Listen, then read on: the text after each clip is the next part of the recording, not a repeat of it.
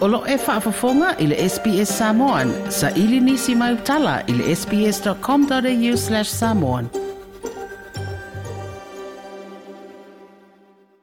Talofa Alex Sua, welcome to the program. Well, Talofa Usufono, and thank you for calling. Can you please tell me a little bit about yourself? You know, where did you grow up and um, where did you go to school? And uh, Yeah. obviously, you you know, uh, you're you're you're a lawyer. You're practicing law in Samoa at the moment. Yes, um, that's correct. Thank you. Well, um, I'm. I've always been. Uh, I've been brought up in uh, a very culturally traditional-oriented family, um, and um, also a very strongly Christian influenced family. Mm. Ah, and I was grow, uh, brought up in the village life, in the rural village life at Aleipata. Um, I, in between Aleipata and that of Moata'a, because my mother is from Moata'a and my dad is from uh, Musu Aleipata. Alex, was there a time when you were young when um, you realized that you were a fa'afafine? Was there any moment like that, or have you always known? I think I've always known. And um, I think I've always known. And I remember I used to be disciplined because of that. And and it's not. And then then I think what I was I wasn't confused about myself. I knew I was like, oh, I I always liked girls, girly things. Mm. And I always was very close to my sisters and my female cousins. And most of my friends in the village were girls. So I was never confused of that because I always thought of myself as a girl, right? so um, it's not until people discipline me and say, hey, you're not a girl, you're a boy. And that's when I got, got really confused.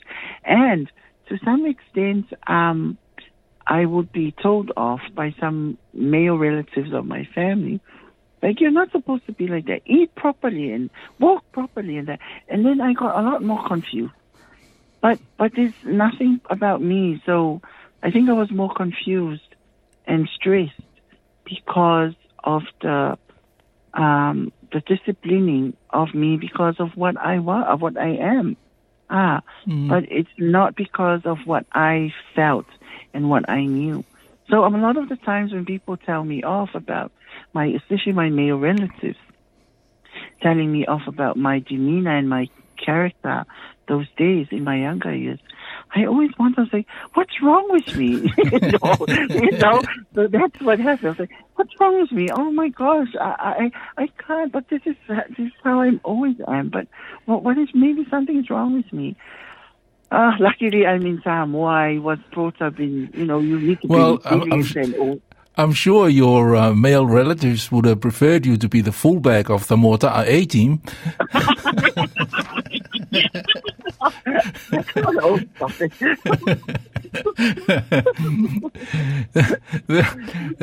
There is another uh, another myth that um, it has come uh, through many forms, and it's a myth that's been um, unfortunately promoted by um, other Samoans uh, overseas. And the myth co- goes that um, in some Samoan families, when all the siblings are boys, usually the youngest one is then reared or brought up as a girl. What do you say to that? Is that Oh, true? That's wrong. that's a, that's just that's a, a myth, and I think that um, I would say that's utterly disgusting and utterly misleading um, towards our community. I have cousins who are male cousins, and he's probably the only male in the family, and the rest are, uh, uh, uh, what do you call? Oh, sorry. I have male cousins who just they don't have a sister, Mm. and all of them are, you know, no one is a Fafafi, and no one is treated as a Fafafi. Yeah, well, my Um, sister has five boys, and uh, no, yeah, the same thing. Yeah, no one is a fa'afafine, and and no one is is is is treated to be a girl to do the girl chores and and what you know that Miss was basically um, stating.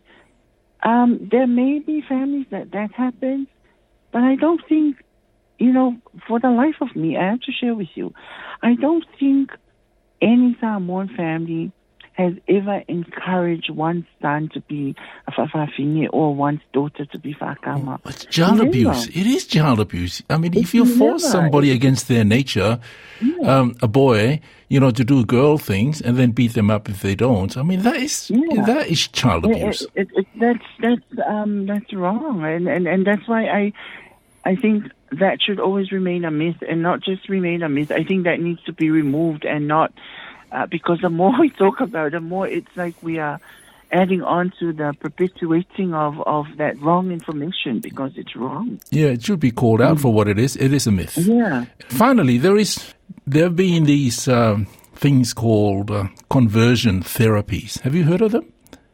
Yes, I'm aware of that. What do you think of conversion therapy? I think it's it's um I I don't think it should be socially approved and socially accepted. And medically as well, I think legally should be um, prohibited if ever there is such um, to be set up here in Samoa. But I think it's it's uncalled for, it's unacceptable, and I think that should never be encouraged um, because it really is, in a way, destroying the self-esteem and um, how should I say, the dignity of a person, or how he or she sees herself to be a person. And, and it's not just about being fa'afafine or being fa'atama or being gay or lesbian. You know, it's it's the whole package. You will be dealing with the person's um, dignity as a person, as a human being. So I think it's personally, I would say um, that should not be discouraged. And if ever our association hears of that here in Samoa, we will be the first ones to call that out.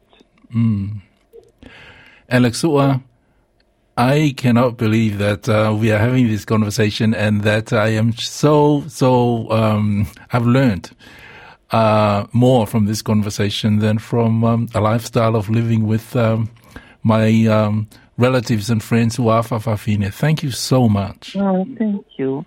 Thank you, Sofono. You have been so generous and kind with your your um, remarks. Fafitai lava. Okay, well, I hope that power comes back on soon. okay. Eh, eh, yeah, Faftai Lava. Ah, Aloha, eh, Yeah, yeah. kapamanungina tuela um ngal wenga Sofono. Yeah, And thank you for keeping in touch. Okay, thank you. Toi fia whaafafonga i nisi tala whaapea?